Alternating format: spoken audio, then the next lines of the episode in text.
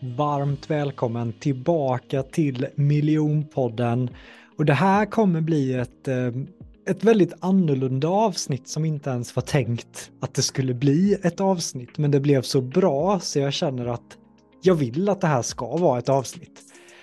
Allting började med att jag bjöd in Marcus Runhager som gästföreläsare till en av mina grupper där jag körde miljonkursen. Och under miljonkursen så kör vi varje torsdagkväll. Och Marcus Runhagers ämne var LinkedIn. Så jag intervjuade egentligen Marcus så som jag gör i podden kopplat till LinkedIn. Vad ska man tänka på med inlägg? Vad ska man tänka på vid sin profil? Och sen inser jag ju mitt under intervjun att jag har ju ännu en LinkedIn-expert i gruppen, Josefin Asklöf. Så det som hände var att Marcus är ju på sitt sätt på LinkedIn. Väldigt eh, skjuter från höften, går mycket på känsla. Medan Josefin är mer strukturerad, schemalägger. Så att när vi tog upp dem i det här samtalet, jag kunde då intervjua båda två och man fick nya perspektiv från den ene, något ifrågasättande till den andra. Jag tyckte det blev en, en väldigt häftig kemi i gruppen oerhört värdefullt, men det här avsnittet, det kan vara så att, eh, att ljudet blir sämre här och var när jag integrerar med gruppen eftersom att det här var heller inte tänkt att det skulle bli ett avsnitt. Det kan vara så att det hackar till lite ibland när Marcus till exempel delar skärm.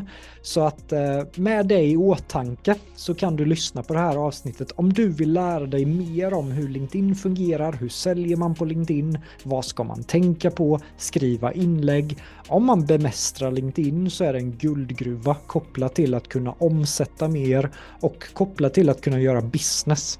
Jag har inte gjort så mycket business på Instagram, på Facebook, men på LinkedIn strömmar affärerna in. Så att med mina kunskaper, med Runhager, med Josefin så, så kände jag att det här kommer vara värt din tid att lyssna på om LinkedIn på något sätt är aktuellt för din business. Nu hoppar vi in i då en torsdagkväll för miljonkursen med den här intervjun. Håll i hatten, nu kör vi! Nej, men du ringde ju mig för ungefär fem år sedan kanske? Fyra, fem ja. år sedan. Och eh, vi tog ett samtal och Runager mm, pratade mycket med mig då om att han gillade nätverk. Han bara ringde för att lära känna och han hade hört saker om mig och han var bara genuint nyfiken på vem jag var. Så det var inget så här att Runhager skulle sälja någonting eller erbjuda, utan det bara var ett samtal från hjärtat kände jag och direkt fick jag en god vibe av Runhager. Och sen eh, började Runhager gå mina kurser, vi snackade, jag följde honom på LinkedIn och såg ju framförallt det att Runhages inlägg gick ofta mycket bättre än alla andras inlägg. Och ibland försökte jag kopiera hans inlägg, men det funkar inte ändå. Och då kunde Runhage säga, nej men det var för att du gjorde det misstaget där. Och sen när vi skulle lansera saker för David så fick vi ta in Runhage som konsult hur vi skulle skriva och ha oss. Men hur vi än gjorde så var det som att hans inlägg gick alltid bättre. Så det var ju som att han satt på så mycket hemligheter. Han hade sånt register i hur man kunde använda sig av LinkedIn, men också hur man verkligen kan bygga nätverk. Jag tror inte det finns en enda person i Sverige som inte gillar Runhager. Han har gått miljonkursen själv. Han har, det känns som du gör succé vart du än sätter din fot, Runhager. En fin familjefar, en fin vän som nu också husrenoverar i snickarbrallor på kvällarna samtidigt som han LinkedInar och nätverkar. En varm, varm applåd för Marcus Runhager. Och, och jag tänker så här Marcus, att den här gruppen, vi har kört mycket så här dialogform, att inte då föreläsarform utan mer ja. några frågor till dig som vi är astaggade på. Du har säkert förberett några grejer som du vill toucha på. Känns det okej okay för dig Marcus? Absolut, och tack för de fina orden. Jag vill bara tillägga här med att ni är ju flera stycken som redan är eh, duktiga på det här, framförallt eh, Asklöv där nere i ena hörnet för mig. Eh, Josefin, du är ju också en baddare på det här, så använd henne också. Och Jonathan, för guds skull. Han är duktig på att nätverka. Första gången vi träffades, tror jag, efter det här samtalet så var det att du bjöd in mig till, till spa. Så satt vi i bastun i flera timmar och Som alla. lärde känna varandra. Det var rätt schysst. Ja. Snyggt, eh, Marcus. Josefin Andersson, jag ställde lite frågor här. Vad vill ni att jag frågar Marcus? Hon frågar så här. Om du får välja, du har säkert hundratals tekniker för just LinkedIn, Marcus. Men om du får välja dina tre främsta tips kopplat till LinkedIn, vad är, vad är de? De bästa tipsen? Ehm, jag skulle nog säga att att vara äkta är ett tips, för det, det går hem. Eh, alltså, Hur är man det på LinkedIn? Ja, men, igenkänningsfaktor, det, det, finns så många saker som folk känner igen sig i som, och det, det gillar folk när man lägger upp. Jag har ju, alltså att, att jag har gått hem där är ju för att jag har varit väldigt ärlig kring min story med, med psykisk ohälsa och liknande, vilket är ett jäkligt brett problem eh, i det här landet. Eh, så att folk har känt igen sig i det jag skrivit tror jag. Och eh, det, det har funkat bra att vara öppen och ärlig. Eh, sen också ge mycket. Eh, alltså, både genom att gilla och dela och kommentera andras inlägg. Eh, ni ser säkert ofta att jag är flitig i kommentarsfälten. Eh, för ger man mycket så får man ofta tillbaka. Om man kommenterat någons inlägg ett antal gånger så får man ofta en kommentar tillbaka. Och, och det vet vi ju att kommentarer och, in, och likes och, och sådär gör ju att, att inläggen sprids. Um, men sen skulle jag nog också säga det här med att bygga nätverk. För det, alltså LinkedIn, det är inte så att jag började med att lägga ett inlägg på LinkedIn och så hade det 300 000 visningar, utan någonstans har det ju varit att bygga från grunden. Ehm, alltså bygga kontakter och bygga relationer både fysiskt men också digitalt då, eller kanske framförallt digitalt. Um, för mm. det är ju så att, att om folk känner mig lite grann eller vet vad jag står för och vad jag gör och sådär så gör det ju det mycket enklare för någon att, att gilla ett inlägg eller kommentera ett inlägg eller tagga mig i ett inlägg eller, eller sådär. Mm. Uh, så det är nog, ja. Och du, du har ju tagit det tycker jag till en ny nivå i vissa inlägg så lägger du ut en bild på en person och så skriver du hyllningsfredag. Och sen bara skriver du en hyllning om den här personen. Och sen en kommentar i slutet på inlägget. Vem vill du hylla denna fredag? Så dels får det ju dig att kännas otroligt snäll och genuin som lyfter en annan. Men det är också ett recept för att ett inlägg ska nästan till kunna gå viralt. För det är många som vill gå in och hylla andra. Och de börjar tagga, skriva, du svarar. Och helt plötsligt blåser inlägget iväg. Eh, hur har du tänkt med sådana inlägg, Marcus? Jag har nog tänkt att Alltså i grunden är det nog bara så att jag känner mycket folk som jag tycker är grymt duktiga och jag är en ganska snäll kille och jag gillar att, att lyfta andra för mår folk runt omkring mig bra så mår jag bra. Eh, så jag tror att det någonstans grundar sig i det att jag faktiskt på riktigt vill hjälpa någon, att det är därför jag vill lyfta någon eller liksom ge en, en boost och, och en skön känsla inför helgen. Um, och så tror jag ju att de flesta av oss har ju vänner eller folk runt omkring oss som, som vi känner ibland att fan, man borde lyfta den här personen mer.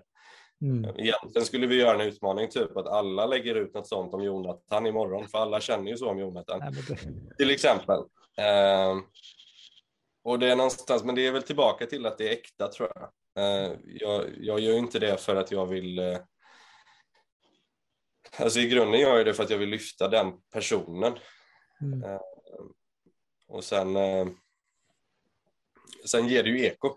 Alltså är det en som vågar göra det så gör fler det. Är det en som kommenterar inlägget så är det fler som vågar kommentera inlägget. Och jag är långt ifrån ensam om att lägga sådana inlägg. Mm. Eh, men jag har väl också lyckats bygga ett ganska stort och starkt nätverk, vilket gör att många engagerar sig i, i inläggen. Eh, så. Jag tänker när, när du skaffade LinkedIn, Marcus, och du hade noll följare, eller du hade ja. nätverk, hur, hur gick du tillväga? För det är vissa här i gruppen nu som verkligen har gjort sin profil, inte postat så mycket på LinkedIn. Vad kan man ta för action just i början på LinkedIn? Eh, alltså I mitt fall så var jag ju, det var ju precis efter, jag vet inte hur väl alla känner till min story, men det var ju precis efter psykakuten och annat när jag hade smält in i väggen och var på väg tillbaka från det här. Så låg jag hemma i sängen och jag kände bara, men det här LinkedIn känns ju spännande. Ehm, och det första jag gjorde det var ju att kolla på vilka är bäst på det här. Ehm, precis som så mycket, kolla på de som är bäst på det och försök ehm, efterlikna eller ta med vissa saker.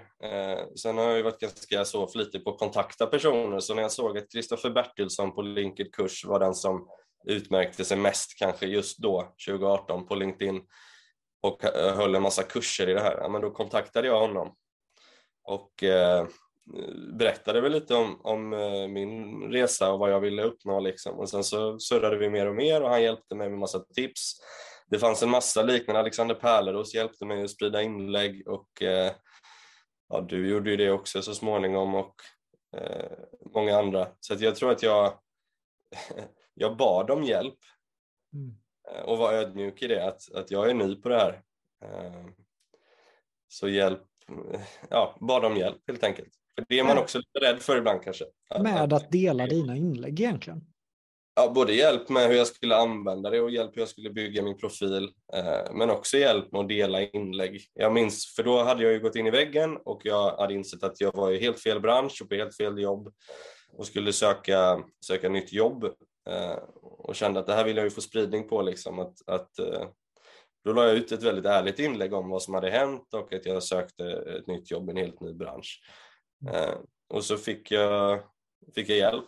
Men det är klart att när Alexander Pärleros delar det eh, så är det ju ganska många som ser det. Och, och säkert tänker de också att om Alexander delar det här så är det nog något som jag kanske också ska dela.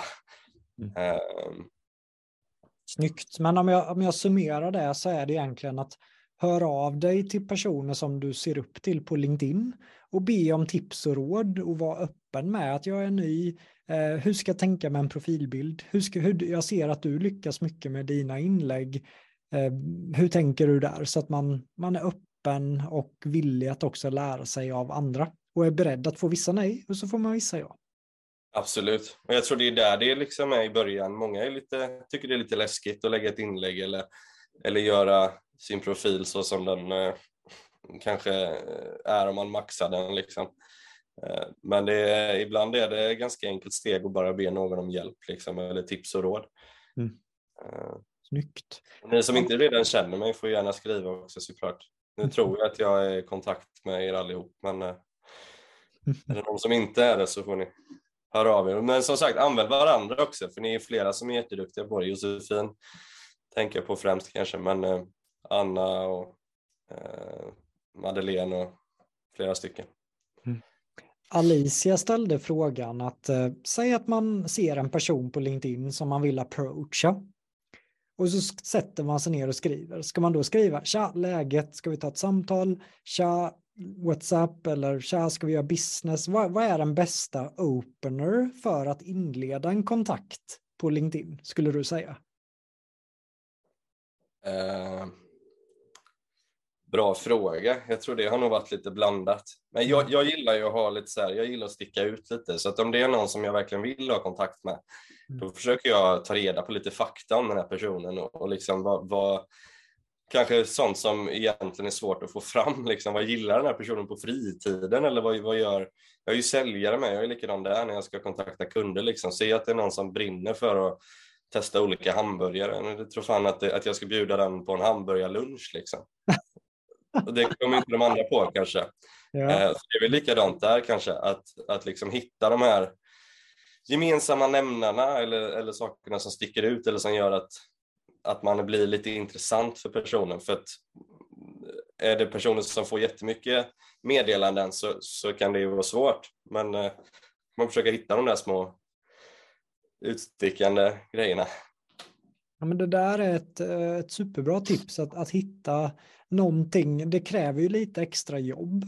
Men samtidigt vet jag hur det är. Jag får flera gånger om dagen nu folk skriver tja, eh, ska vi ta ett Zoom-möte? Jag bara, nej jag hinner inte just nu. Eller om vad då? Eh, vad, vad ska vi? Men om man får någonting något mer personligt så är det högre odds att man nappar. Känner du att det var ett bra svar Alicia? Eller vill du ställa någon följdfråga till Marcus här? Nej, men jag, jag hade också det här med, jag såg häromdagen, det var någon som hade skrivit så här att ja, men nu, nu skickar man till exempel VAM till alla möjliga, är liknande. Eh, och då sa han så här att man ska inte skicka det. Eh, och då blir jag så här, oh, men ska man skicka VAM eller ska man inte göra det? Vad tycker eh. du Marcus? Alltså det är väl både och. Det, på ett sätt kan man väl tänka att få upp en video direkt när man öppnar ett, ett meddelande. Det blir lite som att man bara flyger på en kanske. Mm. Um, men det är nog lite vilken approach man vill ha också när man uh, tar kontakt. Uh, jag tycker det bästa, om någon kontaktar mig så tycker jag det bästa är ett meddelande. Uh, för då, då hinner jag läsa det när jag ja, sitter jag på bussen eller vad som helst. Liksom. Eh, nästa steg för mig är nog ett röstmeddelande. Mm. Eh, får jag en video så jag vet inte, då, då skulle jag nog känna att det blir väldigt på. Och det, jag kommer också känna att det kommer bli lite längre ifrån att svara, för jag känner att jag kan inte bara svara med ett meddelande då, utan då måste jag mm. svara med en video eller svara med... Mm. Så det gör det lite osmidigare på något vis. Även om jag förstår tanken med att liksom bara visa upp sig liksom och vara mm. så. Mm. Så det, jag säger inte att det är fel liksom, men, men jag mm. föredrar nog meddelande eller i så fall röstmeddelande. Okej, okay. tack. Bra, bra svar och det där är ju VAM, LOM, det, är ju, det verkar vara väldigt trendigt med att skicka videos och jag tror att vissa uppskattar det, vissa inte. Men där kan man ju göra som Runager pratar om tidigare också, att om man går in på personens profil så kan man säkert se om personen själv använder sig av VAM. Om personen har mycket videos på sig själv, då är det nog högre odds att personen gillar att få en film till sig själv. Till exempel. Ja. Ana frågade så här, Runager, att eh, ja men hur lång tid, nu går dina inlägg väldigt, väldigt starkt, hur lång tid tar det att bygga upp en slagkraftig LinkedIn? På ett ungefär, jag fattar att du inte har logga timmar, men så att man får lite perspektiv, är det en vecka, ett halvår, ett år? Alltså jag tror att eh, för det första så tror jag, nu kan inte jag exakt hur det har förändrats de sista åren, men jag tror att det var lättare för några år sedan att liksom bygga det här. Jag har liksom 29 000 kontakter på LinkedIn. Eh, idag finns det mycket mer så begränsningar för hur, hur, snabbt man kan växa.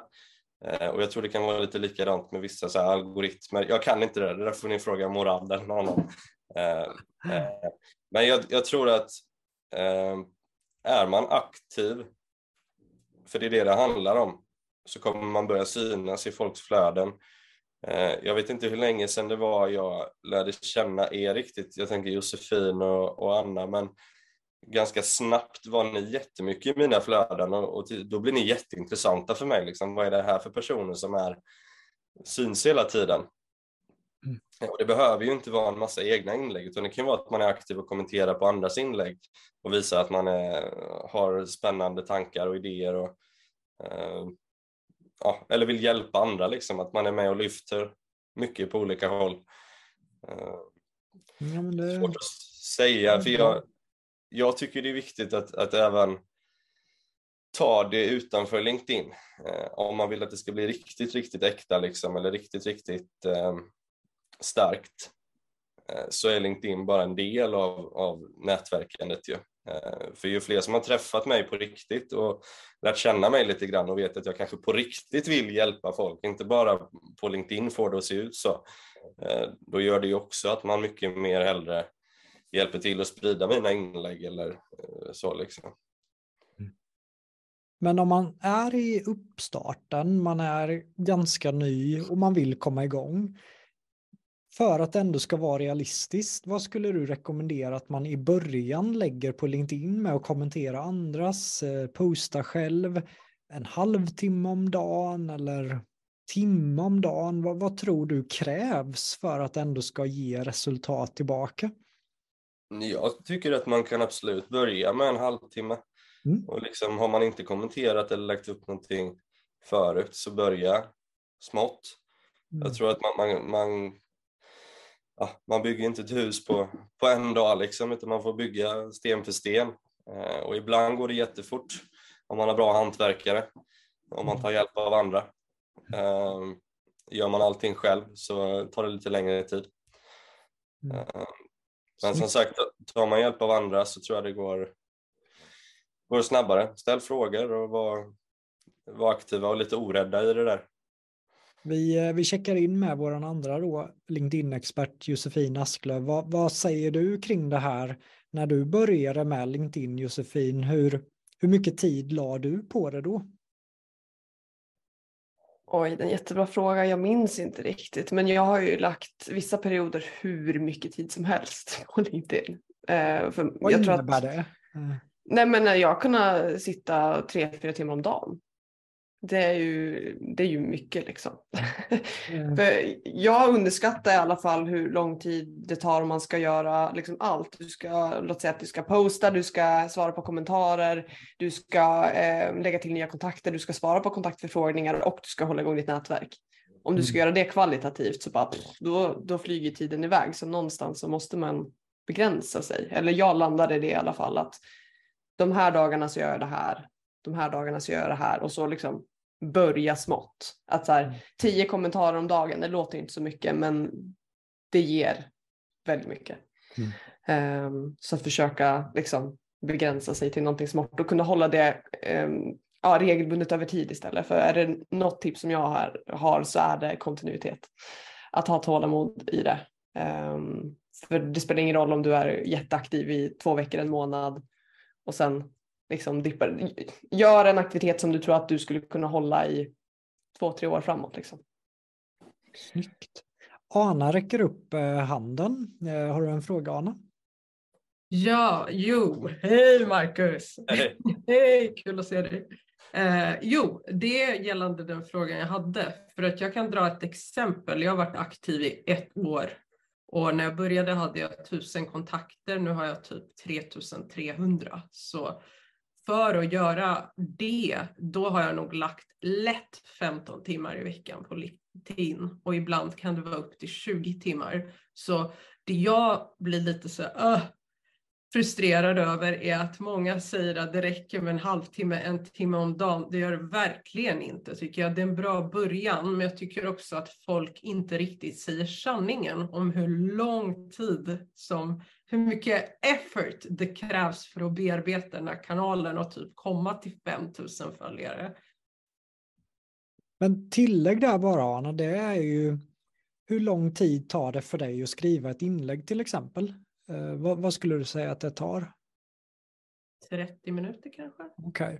för Morad sa till mig att jag tillåter mig själv bara fem minuter per inlägg och sen postar han utan att läsa. Och där, när jag lärde mig det så kunde jag lägga, gå från, alltså kanske ibland då, en och en halv timme på LinkedIn till att jag faktiskt bara la en kvart för jag, jag tvingade mig själv till att posta på fem minuter. Just. Snabbt, snabbt, snabbt, snabbt, snabbt. Jag fick inte lägga en halvtimme på ett inlägg. Det är för mycket tid. Den investeringen har jag inte, utan jag, jag valde speed före detalj. Och så är det någon som skriver till mig ibland bara, du har stavat fel här. Ja. Och så här, ja, men jag har dyslexi. Och då tycker folk det är kul. så, så man kan vara, där kan man spara mycket tid. Just det. Det jag tycker tar längst tid är att svara på DMs och kommentarer, eh, inte själva innehållet. Och där vill okay. jag fråga Marcus, svarar han på alla DMs och kommentarer? Och hur hittar han tiden? Uh, jag gör det, men det tar tid ibland. Uh, jag, alltså nu, nu när jag har en liten dotter och vi håller på att renovera och jag har heltidsjobb och jag har mitt företag och jag har lite andra intressen så går det inte lika snabbt som det gjorde förut. Uh, någonstans så tror jag återigen då att har man byggt upp det här äkta på något vis. Eh, folk vet ju också min bakgrund, att jag eh, har lärt mig att inte lägga mig, alltså jag har bara 24 timmar eh, om dygnet. Eh, så finns det nog en förståelse på något sätt att jag inte alltid svarar så snabbt. Sen ber jag alltid om ursäkt ifall jag svarar sent och jag kanske skummar igenom och ser om det är någonting som är mer behövligt att svara på, om det är någon förfrågan från någon kund eller om jag har eh, varit med i någon media någonstans och det är någon som har gett mig förtroende och skrivit om hur dåligt personen mår för att den vill prata av sig, då är det klart att då vill jag ju svara på det så fort som möjligt. Men jag har nog tillåtit mig själv att, att eh, inte känna att jag måste svara på allting direkt, eh, för då hade jag gått under. Jag, förut så brukade jag köra den här magiska timmen på kvällen när, eh, när min fru och dotter hade gått och lagt sig så satte jag upp en timme extra och bara svarade på meddelanden. Det var det enda jag gjorde då. Um, nu håller vi på med renovering med så nu orkar jag inte det. Men uh, nu har jag å andra sidan ett jobb där jag kan sitta med en del LinkedIn också så att då hinner jag svara på en del. Men jag, jag svarar på allt men det tar tid ibland. Um, Gällande inlägg så är jag också, jag, eh, jag, jag är ingen expert på vad som funkar bäst, så, men det som funkar bäst för mig är att inte planera inlägg överhuvudtaget. Jag får ett infall typ och bara, ah, fan, det här måste jag måste skriva det här. Och så skriver jag ner det i anteckningar, ofta precis innan jag ska gå och lägga mig. Och så tänker jag bara, ah, men imorgon klockan åtta har jag inget möte, ah, men det är bra, då kan jag lägga upp. Eller så har jag ett möte och så tänker jag, ah, men på fredag då, där då har jag inget möte, då kan jag lägga upp. Så det enda jag gör är att jag kommer på någonting, skriver eh, ganska snabbt och sen eh, bara bestämmer jag vilken dag jag ska lägga upp det och sen ja. Jag lägger inte så mycket tid på de här inläggen faktiskt. Mm. Vad eh, säger Josefin där? Jag har helt plötsligt nu då Josefin inkluderat dig i den här föreläsningen som du kanske har märkt. Så vad, det går jättebra. Vad, vad känner du där? Jag, jag gillar ju struktur. Så jag å andra sidan, eh, jag har provat tidigare att liksom sätta av tid för att här ska skriva inlägg eh, och jag har gjort det i perioder. Nu har jag gått ifrån det för att jag tycker att det blir bättre när jag får skriva lite på uppstuds och på känsla. Mm. Eh, däremot så har jag lite som regel för mig själv att jag publicerar måndag, onsdag, fredag morgon. Och är det mot förmodan så att jag inte kan då eller har någonting annat då, då försöker jag publicera en annan dag eller en annan tid bara för att få iväg det liksom. Eh, och ja, det är väl det är, det är intressant det där för att eh, jag vet vissa som eh, det går jättebra för på LinkedIn som publicerar liksom någon gång ibland, men de får ändå jättehögt engagemang. Men jag tror att jag förlitar mig lite på min kontinuitet. Mm. Eh, men jag vill också liksom mata lite mina kontakter med mitt ansikte och mitt värdet som jag ger. För att då är så här, där är Josefin igen, där är Josefin igen. Så där mm. visa att man faktiskt syns och uh, finns på plattformen och kan ge värde. Um, det tror jag, eller det har jag sett många gånger att det liksom kan leda till att de blir intresserade så småningom. Och sen när man approachar dem så bara, jaha men det har jag redan sett, det känner jag lite. Och så är de redan lite varma eh, när man tar en sån kontakt.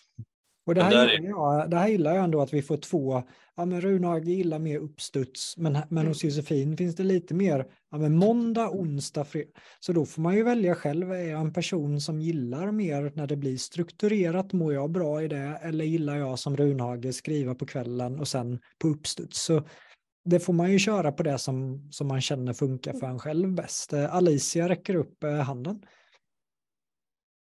Ja, jag har en fråga. Nu sa du att du inte var eh, expert på det här, när, men jag, jag är mer, eh, jag är också spontan, men jag är mer en video.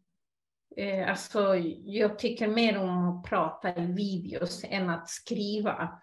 Eh, men samtidigt så har jag läst att man ska texta dem. Och det är det som har gjort att jag inte har fått så mycket kontinuitet under senare tiden för att jag tänkte, ska jag testa? Men nu tänkte jag, ah, nej, nu lägger jag upp utan text. Mm. Så vad tänker du om det? Um, för det första, jag hade nog säkert använt mer video om jag kände mig bekväm med det. det gör jag inte. Eh, jag känner mig ganska bekväm i text. Liksom så. Ehm, det är ju, alltså de här första meningarna i ett inlägg som man så ofta pratar om som liksom fångar uppmärksamheten är ju viktiga.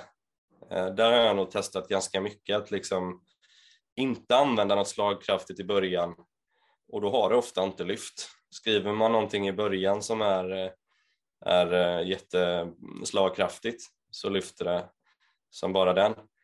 Ehm, jag vet inte, jag vet inte om du vet det Josefin, eh, hur det är med algoritmer och sådana där grejer idag med videos, för innan vet jag att det har varit något så att man behöver se typ hela videon för att det ska räknas som en visning eh, jämfört med ett inlägg där, med, med, text så räcker det ju bara att egentligen klicka på läs mer så räknas det som att man har läst hela inlägget. Det mm. räknas som en visning. Mm. Tre sekunder har jag läst ah, okay. och det är ganska länge. Så då gäller det verkligen att det är intresseväckande från första stund, liksom en rubrik i skriften. Ehm, så generellt så får ju videos lägre engagemang, men å andra sidan så tror jag att det kan vara väldigt bra för att man får se liksom lite mer av personen som man inte ser i, i text. Så samma sak där, hade jag varit mer bekväm i video hade jag gjort mer eh, av det. Och jag känner mig bekväm i videon och inte i skrivande. Ja, men, perfekt, då, då är det väl det du ska köra kanske. Det, att, eh, det Morad sa till mig kopplat till ordningen som algoritmer gillar, men det här var förra året, så det kanske har ändrats nu, för algoritmerna ändras hela tiden. Och då sa Morad att bara text egentligen är det som algoritmerna gillar mest. Nummer två, text med bild. Och nummer tre, det som LinkedIns algoritmer gillar mindre, är video. Mm. Så var det då förra året, men det är inte säkert att det är det i år. Men jag tänkte jag, jag share screen här snabbt Runager och visa bara vad du menar här.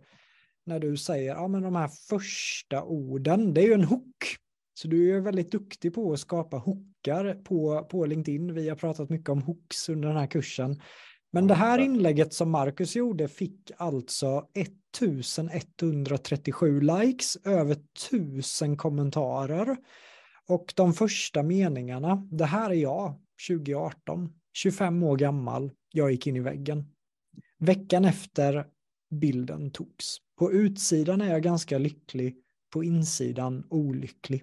Jag har funderat och nu vill jag berätta för er om världens lyckligaste yrkesmänniskor. Freddy, hookar det där dig? Jo, det gör det. Det gör det definitivt. För jag kopplar tillbaka lite grann till det som Marcus pratade om i början. Genuint äkta. Och det, det gillar jag. Det slår. Där, därför blir det extra eh, kraftigt för mig. Ja. Så att kollar man på, och det här tipset brukar jag ge till många, att kolla på, om jag går in här på Runhages profil, då kan jag ju studera hans inlägg genom att sen klicka på, eh, nu ska vi se här, vart det var jag klickade. Ja, ah, utvalt. Så kan jag klicka på den bilden till exempel. Och då kommer ett inlägg som har gått väldigt bra för Marcus också, som har 500 likes. Och så kan jag kolla vad använder han för hook här. Den nätverkande farsan. Vilken relatering det finns i det. En kostym och en bild på Livia.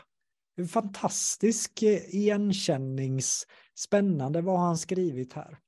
Så kollar man på alla Runhages inlägg kan man lära sig jättemycket om hur Runhager har använt sig av hooks. Här skriver Runhager, vem är jag egentligen och varför drömmer jag om din hjälp? 25 år uppvaknad på psykakuten. Så det är väldigt dramatiska hooks som du använder dig av, Marcus. Hur, hur tänker du kring de här hooksen som du kör? Vad är viktigt i en hook på LinkedIn? Ja, men det är väl, alltså för mig så är det ju det som har funkat och då, då är det klart att då kör jag på det. Sen eh, att jag har varit så öppen kring det här och att jag brinner så mycket för att, att få eh, fram det här att vi måste prata om psykisk ohälsa, det är ju det som är, eh, det är det folk känner igen mig för mest kanske. Eh, tillsammans med att man är duktig på att nätverka och syns mycket och känner mycket folk. Eh, och jag har ju varit så öppen kring det här, så för mig är det ju ingen big deal egentligen att skriva de här grejerna, utan jag vet att det hjälper minst någon eh, när, när jag gör det eh, och det är ju grunden det, det viktigaste. Eh, men det kan ju vara annat också. Nu skickar jag över bollen lite, men Josefin, du hade ju ett, ett inlägg här som flög eh, mm. över hela jorden tre gånger tänkte jag säga med, med det här batteri, eh, mobilbatteriet som jag tycker var jävligt bra. Eh, du använder väl också någonting sånt där va? Ja, eh, precis. Jag gillar ju att, inte provocera, men lite, lite så i mina rubriker. Att typ så här, vad störigt, nu måste jag läsa mer. Um, och det där, det där är ju en väldigt igenkännande rubrik också tror jag. Eller så här, oh, det där kan man ju inte göra. Um, och sen ja, men någonting som upp, väcker uppmärksamhet som får en att vilja, vilja läsa vidare. Um, och det roliga var att det här inlägget skrev jag så tänkte jag att det här blir nog inte så bra. Den har alltså över 2000 likes. Ja, man, ja. Det, jag tycker du gör det så bra här att här kan vi relatera. Här kan vi verkligen få en. Det har vi alla gjort. Och sen jätte, ja jag skojar bara. Och det känns så på något sätt inte stelt att en smileys, jag skojar bara. Och sen läsa, jag är hookad här för att eh, läsa vidare. Och det är en teknik jag ser många använda sig av, att det är någonting som relaterar eller chockar som Runhage kör. Och sen kan det vara, ja det där är inte jag. Alexander Morad la upp en bild häromdagen där det var så här, jag vill inte leva längre och en bild på honom. Och man bara, jag kände så här, shit, ska jag ringa? Och sen sa en person som jag hade ett samtal med dagen innan julafton. Så det var inte jag, utan jag pratade med en, men jag är ju hookad där. Så hooken på LinkedIn är superviktigt. Så kolla på folk som är duktiga, gå in på Josefins inlägg och kolla vad hon har gjort. Och sen gör ni ungefär liknande grejer med, med hooksen. Skulle du säga Runager att det är ett bra tips? Absolut, verkligen. Jag, jag minns när det där inlägget kom upp eh, från dig Josefin. Jag, jag tror jag såg det ganska tidigt, eh, så här tio minuter efter du hade lagt upp och man kände direkt bara det här flyger. Man såg att det var mycket aktivitet direkt där. Och det var jäkligt bra också. Det, det var ju också någonting som alla, eller väldigt, väldigt många kan känna igen sig i. Eh, det här som du lyfter, inte bara på LinkedIn, med prestation mm. och press och stress. Vi fick en fråga från Freddy, tror jag det var, som eller så var det någon annan av gänget som sitter här som frågade, ja men hur vet man om man har gjort ett misstag då? Eller vad är de största misstagen? För jag menar, på samma sätt som jag tänker att ni två experter kan nästan se om inlägg ska flyga eller inte, så kan ni nog också se om ett inlägg inte kommer gå bra. Vad är ett inlägg som inte går bra på LinkedIn? Josefin? För långt, för grötigt. Um, enligt mig personligen ingen bild. Mm. Eh, om det liksom är en för lång rubrik mm. där det är otydligt vad det här egentligen kommer handla om, någonting som inte är intresseväckande, då läser inte jag vidare. Och man tappar mig också om texten är ja, men för, för lång och för grötig. För jag är väldigt liksom, noggrann med att försöka liksom, dela upp det så det blir lätt att läsa. Och så mm. lägger jag in smileys också för det blir, liksom, det blir roligare att, att läsa på det sättet. Um, och så som sagt, bild tycker jag är roligt och intresseväckande. Så ingen bild är väl också en don't, tycker jag personligen. Mm. Vad, eh, vad säger du, Marcus? Nej, men jag håller med. Sen tror jag att alltså, när man själv sitter där och skriver, jag tror att man får, som med allt annat, man får testa sig fram lite. Um, tills man märker vad som funkar. Jag har lagt upp väldigt många inlägg som inte har flugit, som Jonathan inte visar. Tänk om man hade visat det med någon med ingen aktivitet. Det är för att du har promotat dina bästa inlägg på din profil, ja. så jag ser bara dem. ja. Nej, men så är det. Man måste ju, som med allting, man måste, måste liksom testa sig fram och, och uh, se vad som funkar. Uh, det är väl, det är någon av er som är hockey, hockeygrym, eh, hockey eh, personlig tränare eller någonting som mycket väl känner till Wayne Gretzkys eh, citat antagligen. Det här, man missar 100 procent av de skott man aldrig tar. Eh, och den brukar jag ha med mig ofta, att testa, testa, testa och till slut så sitter pucken, till slut så sitter det här inlägget. Mm. Eh, men testar jag inte så kommer det ju såklart inte hända. Testar jag bara en gång och ger upp så kommer det heller inte hända så mycket. Så det är Freddy du pratar om, det är Malmö Redhawks. Eh, ja, jag, jag trodde det var det, men jag, jag vågar inte säga fel. För det, här director. så det här är ett riktigt järngäng du har hamnat hos, Marcus. Ja, det vet jag. Vi eh, fick eh, frågan från Edvin, som Edvin gillar ju system, struktur. Så finns det någon form av rutin, typ nu loggar jag in på LinkedIn, ska jag checka min inbox eller Edvin, det är nog bättre att du ställer frågan själv, för jag vet inte om jag helt fattar den. Kör. eh, jag tänkte så här, alltså jag, jag följer en rutin som att kommentera 10, likea 25, eh, lägg till så här många personer. Men eh, jag vill inte riktigt komma upp med, en, med någonting som jag vet fungerar typ, eller som att Samtidigt vet jag att jag vill komma i kontakt med UF-ledare och rektorer. Men jag har svårt att, alltså, jag vill leda in det som snyggt och inte bara skriva direkt. För att jag vill att det ska så värmas upp. Men jag har ingen rutin för att det ska värmas upp. Nej. För det första så känner jag lite rektorer och UF-ledare, så det kan vi snacka om sen. Mm. Eh, men eh, jag tror eh, jag är ganska dålig på det. Struktur eh, är inte min bästa sida. Eh, jag är ganska dålig på det ärligt talat.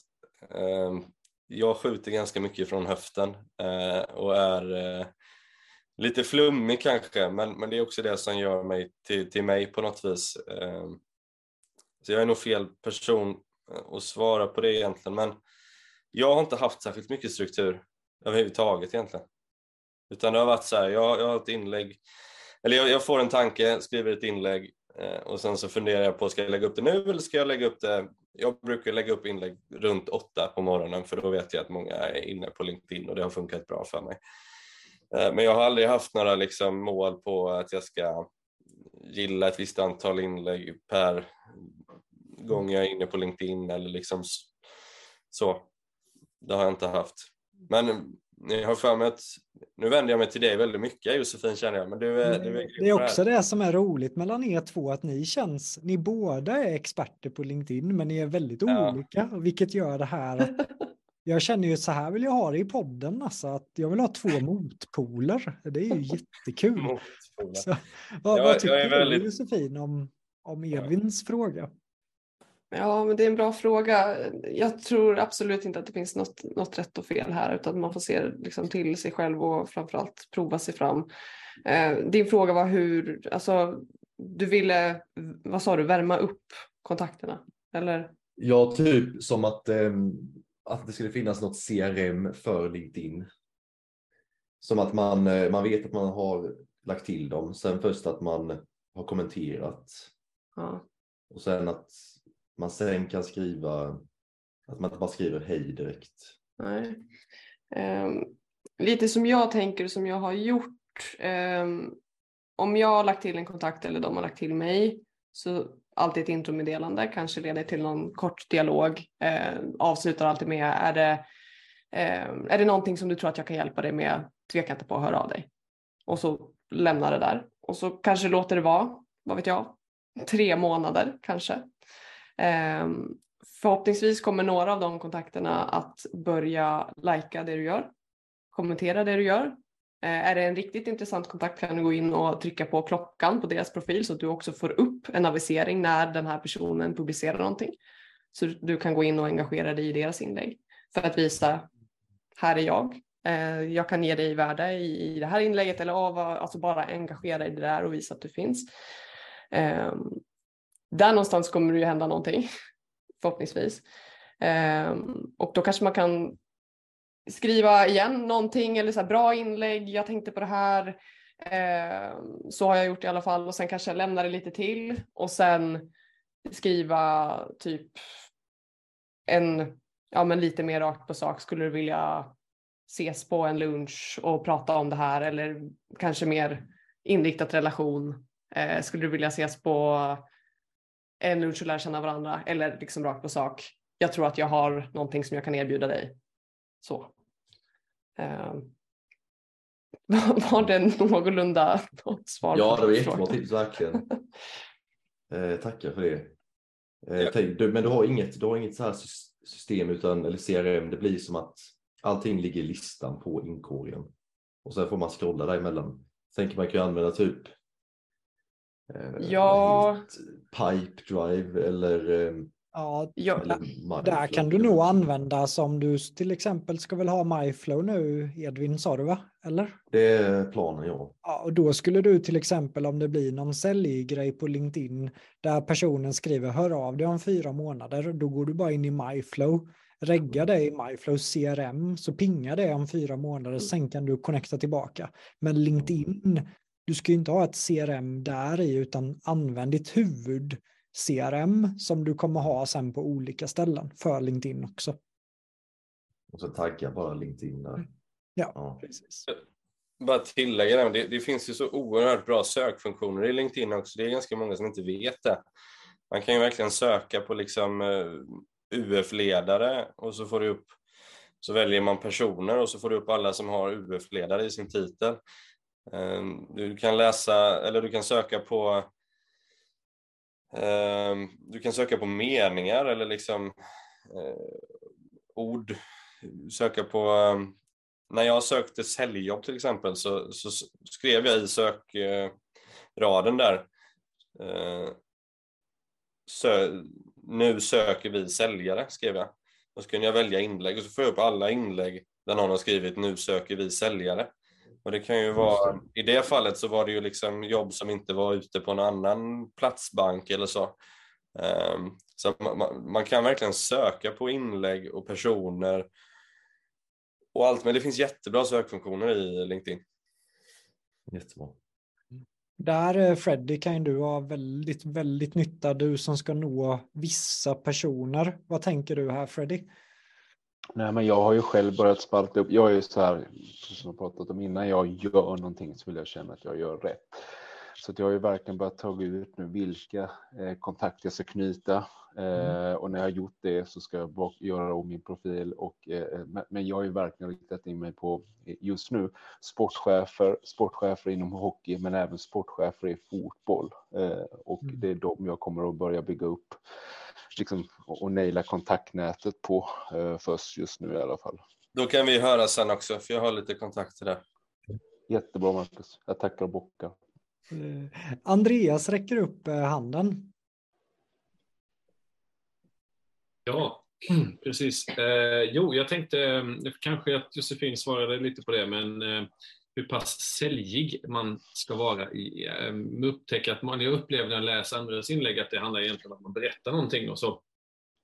så.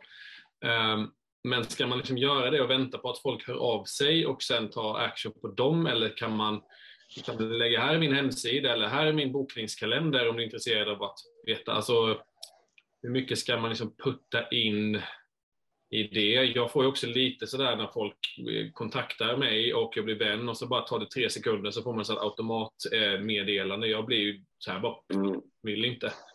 Ehm, Det var lite här, hur säljig ska man vara liksom? Jag tycker om att vara det här med att vara sårbar och, och så, men det har jag precis börjat våga ge mig ut på den. Men LinkedIn känns ju väldigt ett trevligt format att göra det på. Eh, Men så, så väldigt fundersam, hur mycket, hur mycket ska jag liksom kränga på här eller berätta att mig kan ni köpa? Ska jag? Mm. Ja. Kör du. Eh, Jag ser nog LinkedIn, eh, jag se- det är ett väldigt bra säljverktyg. Man, man kan göra mycket affärer på LinkedIn och eh, jag har väl egentligen byggt upp hela mitt bolag genom LinkedIn. Men i, i, främst har jag nog sett LinkedIn som ett eh, sätt att bygga mitt personliga varumärke. Eh, för det är genom LinkedIn som många har fått koll på vem jag är. Eh, och därigenom har jag fått uppdrag och, och så. Eh, jag har nog testat att vara lite säljig i inlägg. Och jag har testat att vara säljig i meddelanden, men då känns det som att jag fick ganska kalla handen. Och då har jag jag är ju själv säljare, men jag väljer nog att gå väldigt mjukt fram. Och istället för att liksom Eh, eh, kontakta någon på ett säljigt sätt så kanske jag kontaktar någon och, och berömmer deras profil eller eh, säger att det där inlägget du skrev, fan vad grymt det där var. Det, jag tycker det är sjukt intressant. Jag skulle gärna snacka mer om det eh, eller någonting. Eh, för jag upplever att så fort jag lägger till att eh, här är min hemsida eller eh, jag är ju föreläsare, jag kan komma ut till er. Då, då blir det lite jag vet inte, det, det, det, finns mycket säljare överallt. Så mitt sätt att sälja är ju att, att vara väldigt eh, mjuk och, och, och, sälja på relation. Liksom. Eh, eh, sen är väl om man, om man lägger inlägg med liksom här i min hemsida eller sådär så får du ju ofta inte, alltså det är inte så många som kommenterar det liksom.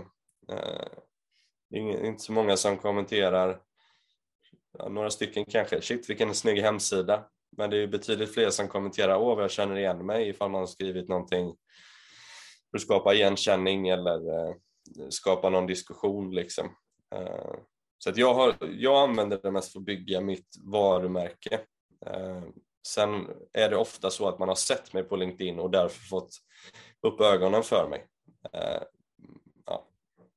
Men här är, jag vill ändå tillägga här Marcus, att eh, jag tycker så här, ja, familjefarsan Marcus relation. Men helt plötsligt så kommer ett sånt där riktigt skarpt säljinlägg från dig. Titt som tätt, inte ofta, men ibland. Jag menar, du fyllde ju upp halva min kurs med ett sånt inlägg förra året. Så ja. jag menar, ibland så trycker du ändå på och går väldigt offensivt i dina inlägg.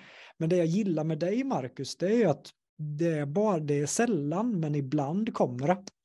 Och det ja. snackar ju Gary Waynerchuk mycket om, att man ger värde, man är schysst, man ger värde, man ger värde. Men ibland, tja, nu släpper jag min pilotkurs, nu säljer jag det här, nu erbjuder jag, för man aldrig gör det, då vet ju folk heller inte riktigt att du ens gör det. Så Nej, jag brukar det... tänka att ungefär var sjunde inlägg jag gör är ganska säljigt. Vad säger du om det, Runager?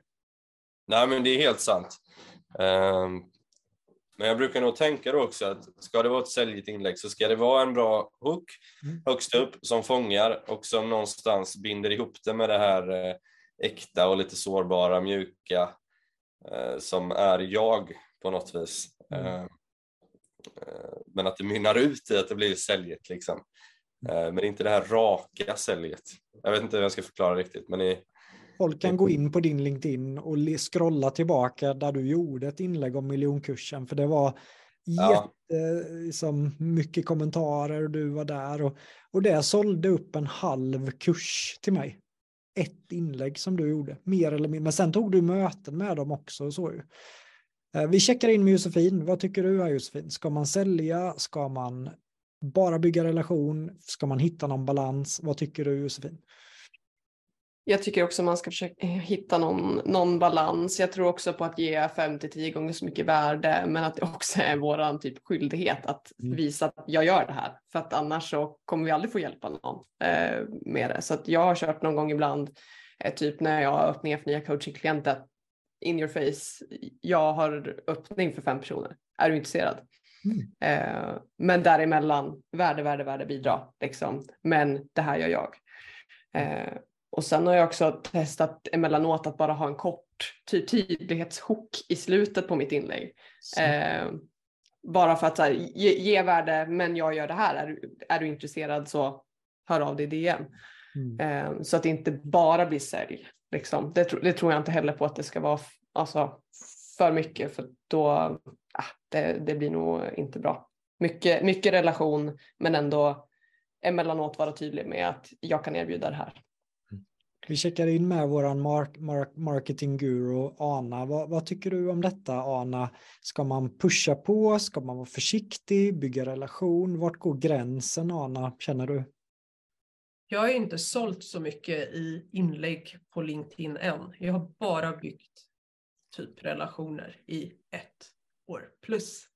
Så jag kan inte svara på den frågan för att jag har inte sålt på det sättet via inlägg. Men jag vill tipsa om Joella Skog för hon tycker jag är så grym på att skriva, baka in sälj i inlägg så du inte fattar att du har blivit såld till. Hon gör det så bra. Så Joella Skog, hon jobbar med personal branding, så följ henne. Snyggt. Joella har jag också intervjuat i podden. Så det finns ett helt avsnitt om, om Joella där. Jag Tack. tänker Josefin eh, Asklöv, dina tre främsta tips för att bygga sin profil. För profilen, det är ändå på något sätt där man klickar sig in med profilbild, bakgrundsbild, hook. Eh, bara den är ju en vetenskap. Dina tre främsta tips för att bygga en profil. Oj, vilken svår fråga. Men eh, okej, okay. top of mind skulle jag säga profilbild. Profilbild, som, vad, vad är viktigt att tänka på där då? Ja, men som speglar dig. Det ska vara en, en tydlig bild, gärna proffstagen bild skulle jag också säga, men eh, som speglar dig. Du får gärna le, visa lite av vem du är liksom. Eh, sen tror jag att rubriken under ditt namn är viktig att den fångar uppmärksamhet hos din målgrupp. Att det kan vara liksom tydligt vad du gör. Eh, kanske om du får in din tydlighetshok där tillsammans med, alltså det tror jag nästan är viktigare än en titel många gånger. Att, ja, ja, men att det är det här jag gör. Eh, mm. Titeln kanske också om den säger någonting. Men att tydligt visa att det här gör jag för de kommer ändå scrolla igenom inlägg och, och kunna se liksom det eh, innan och det är ju en ett inlägg är ju ofta det första innan de går in på profilen. Mm. Eh, referenser mm. är bra att ha, eh, skulle jag säga. Och med referenser menar jag också Josefin på LinkedIn kan vi skulle ju alla kunna gå in och skriva referens ja. till varandra på LinkedIn för det boostar ju varandras profiler jättemycket. Så då kan man bara gå in på varandras profiler, skriva en referens längst ner så har man det där. Det var det du tänkte på där va Josefin? Ja precis. Mm. Så summa summarum, bra bild, bra hook och referenser. Ja, Top of mind. Ja. Du bara blev ju, Runhag har ändå förberett sig en vecka för det här, men du blev ju inkastad nu. Marcus Runhager, dina tre främsta tips för en profil? Samma. alltså. ja, okej. Okay. High five. Ja, Josefin har ju rätt, men, men just det här med referenser och Eh, kompetenser som andra kan, kan intyga, det, det är nog lite underskattat tror jag. Eh, när man som kund går in och kollar på någon som man funderar på att anlita, ser man då att det ligger en massa referenser och, och intygade kompetenser av personer som man kanske också litar på eller vet vilka det är. Det är klart att det ger ett extra, alltså det ger ju extra kraft.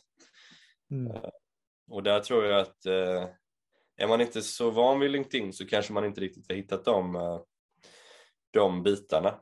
Ehm, men sen är det ju som du säger med, med den här hook, hooken där, liksom, eh, det, är det, det är det första som fångar den tillsammans med bilden egentligen.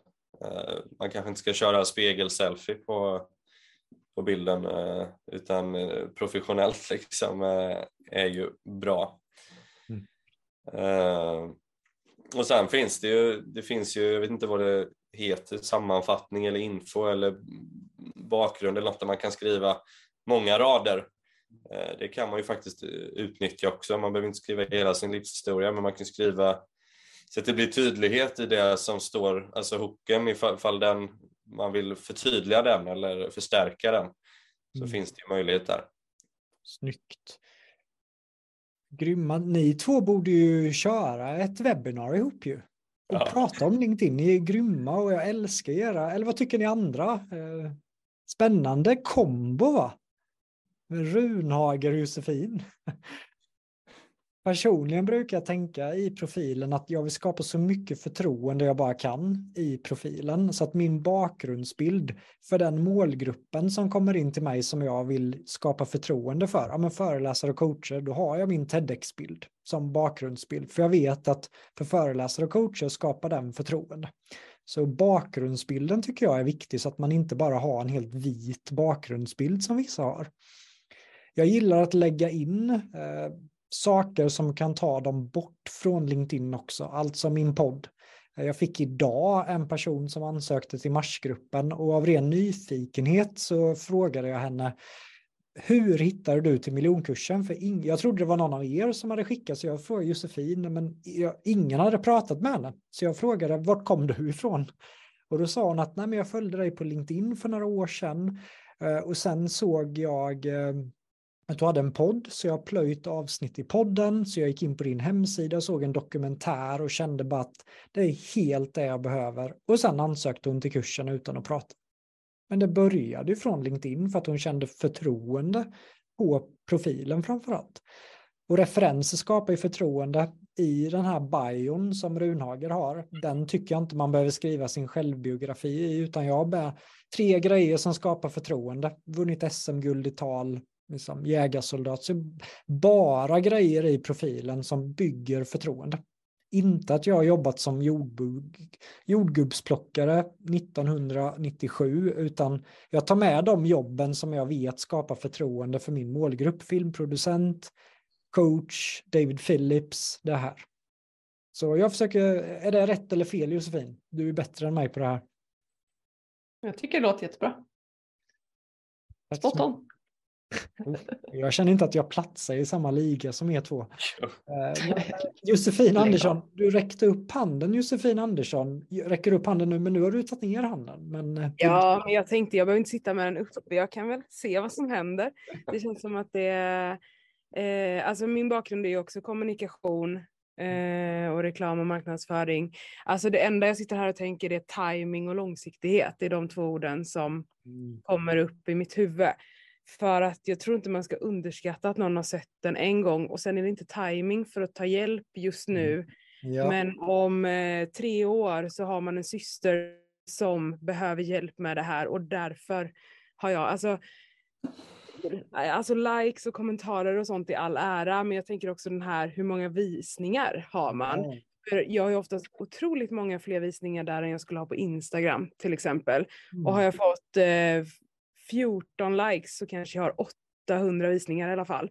Så att också det här att släppa rätt och fel och att det som du tycker är bra är likes, liksom, men det är inte säkert att likesen är det som säljer. Det kanske är den som bara har liksom, fortsatt scrolla igenom flödet och, och tilltalats av någonting.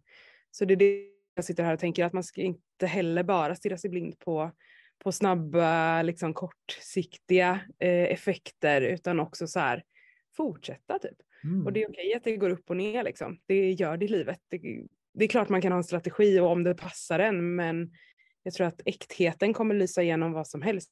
Jag tänker att, att du Josefin, du, du utstrålar struktur så det är klart att du kör på struktur. Eh, och för någon annan kommer det vara på ett annat sätt. Så det är det här som är liksom både underbart och sjukt frustrerande med all typ av kommunikation där algoritmer är inblandade. Liksom. Så att, eh, ja, men det är jätteintressant. Eh, mm. Bra tillägg Josefin. Och jag vet att Runhages tid nu, jag har dratt över tiden, han ska renovera, han ska natta barn. Så att... Eh, mm. jag får inte jag fråga en grej? Jo, eh, absolut. Till Marcus. Jo, ja, för att eh, vi hördes ju på telefon, det var ju länge sedan nu, det var ju säkert eh, ett år sedan, ett och ett halvt år sedan första gången vi pratade på telefon. Ja, länge sedan var det i alla fall. Ja. Men jag slogs ju då av att du är, eller men du är ju så himla genuin och liksom så här eh, varm och, och, trevlig och det kändes som att vi var vänner från första gången vi, vi bara liksom lyfte luren och det har man ju inte med alla. Och jag kan bli så frustrerad på mig själv att jag ibland blir så styltig. Liksom. Vad, vad har du för knep? att, Tack, ja. framförallt. Um, och jag minns jätteväl det här samtalet och, och visste att vi uh, på något vis skulle ha fortsatt kontakt. Um, jag vet inte. När jag, när jag gick in i väggen och när jag började gå psykolog eh, väldigt mycket så fick jag lära känna mig själv väldigt mycket. Jag hade pluggat till, eh, till ekonom eh, för att jag brydde mig så sjukt mycket om vad alla andra tyckte och tänkte om mig. Och jag tänkte att som ekonom får jag sitta med kavaj och, och på snyggt kontor och kan lägga upp en schysst bild på Facebook och en schysst titel och hej och eh, Men och eh, psykologen fick mig att inse att det där var ju liksom helt, det där var ju inte jag för fem öre. Sitta, sitta still på ett kontor och knappa siffror som är det tråkigaste som finns i mina ögon. Um, alltså bara, nu ringer min fru här. Uh, så, nu, hon får vänta. Um, men men då, då fick hon mig att fundera på vad jag själv tycker att jag är bra på och vad jag känner att jag är bra på. Och jag landade någonstans i att jag jag är bra på att vara en bra kompis tror jag. Jag, är, jag bryr mig väldigt mycket om andra, har alltid gjort. Eh, lite för mycket för mitt eget bästa många gånger. Eh, men insåg väl att om jag kan använda mina styrkor på rätt sätt så kan jag göra någonting av det tror jag. Eh, och, och jag har skojat lite nu på senare tid om att jag får ju byta Eh, byta namn här snart till Hela Sveriges kompis eller någonting, för det är, det är typ mitt mål. Jag känner att ju fler kompisar jag har, desto mer möjligheter får jag och desto mer möjligheter har jag, har jag möjlighet att ge mina andra kompisar.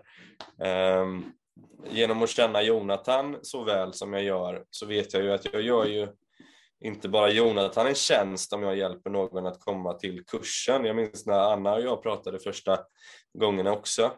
Um, och jag hoppas och tror inte att jag verkade särskilt säljig, men eh, någonstans i mitt huvud så såg jag ju att det här är en sjukt duktig person och ehm, eh, Jonathan är en sjukt duktig person. Eh, och lärde, när jag hade lärt känna Anna så förstod jag ju ännu mer att ja, men det här är en sjukt bra match. Eh, och Jonathan kommer kunna hjälpa Anna, det är jag helt, alltså 120 procent säker på, för jag vet vad han går för. Men det var ju också, jag hade inte skickat eller tipsat Anna om, om kursen om jag inte också visste att Anna var perfekt för kursen.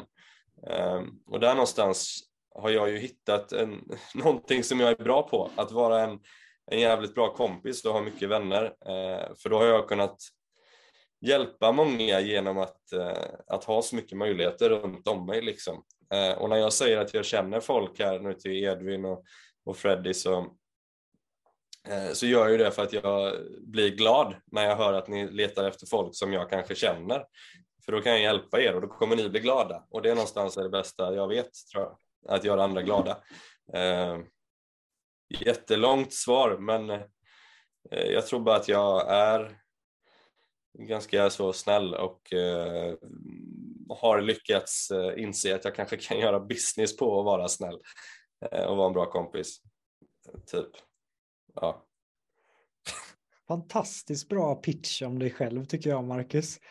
Jag skulle ja. vilja att du avslutar med storyn hur du eh, knöt grundaren av Harris, Magnus Helgesson, i ditt kontaktnät. Den tycker jag alltid är så inspirerande.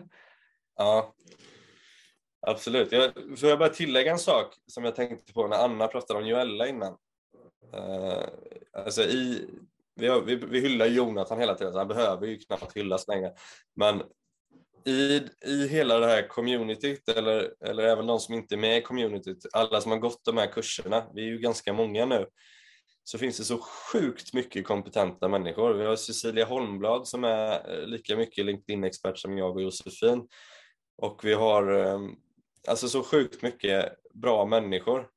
Eh, så var inte rädda för att, att kontakta, för att alla jag känner typ alla och jag vet att alla är sjukt fina människor och eh, vänliga och gärna hjälper till.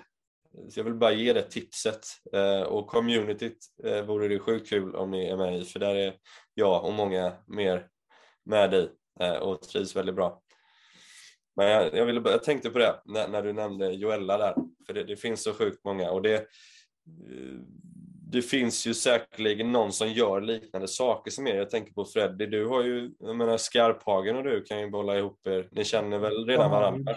Brothers. Ja, precis, men ta hjälp av honom. Hur har han gjort på LinkedIn? För han syns ju mer och mer på LinkedIn nu. Ehm, Eller någon annan som håller på med något annat. Det finns säkerligen någon som har gått kursen tidigare som gör något liknande som kan ge tips på hur man har kunnat lyfta i, i just den branschen. Liksom. Yes, men Helgesson nu då? Våran käre Magnus. Känner ni till eh, Magnus Helgesson? Nej. Han, dels så grundade han ju Harrys och sen så har han ju skrivit en, en massa böcker från, eh, från 0 till 700 miljoner har han skrivit och Äg ditt liv har han skrivit. Och han har ju varit med i Tony Robbins crew flera år och känner ju Tony Robbins och är ju, jag vet inte Jonathan, men han är väl en av de största föreläsarna i det här landet. Han, eh, han drar ju ganska mycket pengar, Magnus. Det går bra för honom.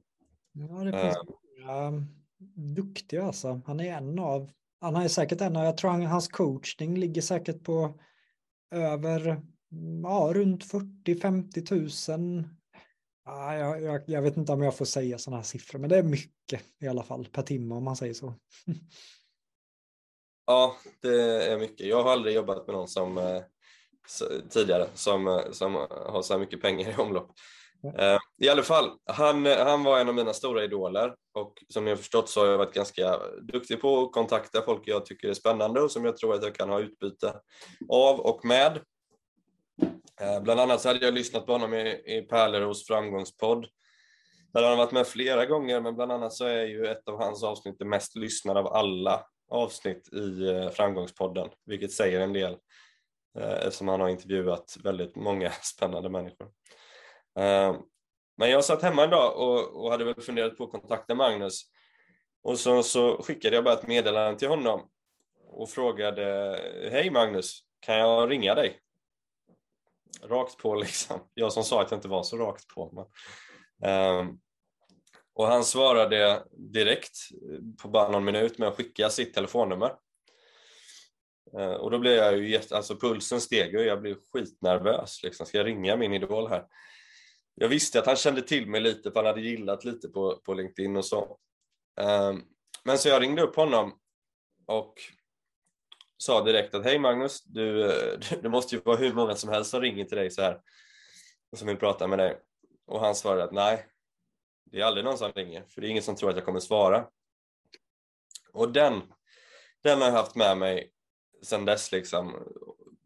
Och även Gretzkys eh, citat där då, att skjuter jag inte så gör jag inga mål. Hade jag inte testat att ringa så hade jag ju såklart aldrig fått prata med honom. Det är ju inte så att han letar upp mitt telefonnummer och ringer mig från Eniro liksom. Um, så det vill jag verkligen skicka med. Testar vi inte så kommer vi inte, kommer vi inte lära oss. Eh, det roliga med det här då var att vi, vi snackade i en halvtimme och eh, kom han fick ju höra att jag skulle åka till Thailand någon vecka senare. Eh, och han började berätta om sin nya bok, Äg ditt liv, som skulle släppas snart. Och sen så sa han att, men Marcus, du, du bor i Jönköping, jag är på väg från Stockholm till Falkenberg. Det är ju på väg, alltså Jönköping ligger ju på vägen. Fan, du skulle ju ha med min bok eh, till Thailand. Den har inte släppts än, men jag har faktiskt de första exen här i bilen. Ja, det... ska vi ses på Max om två timmar? Sa han då. Ja, visst. Eh, Så jag träffade honom, fick boken signerad. Satt och snackade över en, en hamburgare på Max eh, bredvid E4 i någon halvtimme innan han åkte vidare och sen dess har vi bara lärt känna varandra bättre och bättre och idag ser jag honom som en vän. Eh, vi, ja, vi var på väg att börja jobba ihop, eller vi började väl i princip. Ehm, men eh, det kom, livet kom lite i vägen så jag har inte hunnit, men, men den bollen ligger väl fortfarande där. Jag Fick möjligheten att jobba med honom. Men vi är kompisar i alla fall så länge och jag kan använda honom både som någon form av referens och hjälp när jag behöver kontakta andra människor. Ehm, så att eh, den här idolen blev en eh, vän eh, på grund av att jag vågade fråga om jag kunde få ringa honom. Ehm, och det är en jäkla häftig grej. Snyggt. Inspirerande story va? Jag tycker den väver ihop nätverksveckan väldigt fint. Att våga ringa, våga höra av sig, våga sticka ut tån, våga synas för nätverk kan lägga grunden till att man sätter sig själv i rätt lägen för att sen kunna pitcha. Josefin Asklöv, Marcus Runager, stort, stort tack för att ni har gästat Miljonpodden. Det här är ett maxat avsnitt som kommer släppas inom kort om jag får Josefins godkännande för att Josefin blev inkallad i den här intervjun. Så det hänger på Josefin. Ha det bra Marcus och Josefin.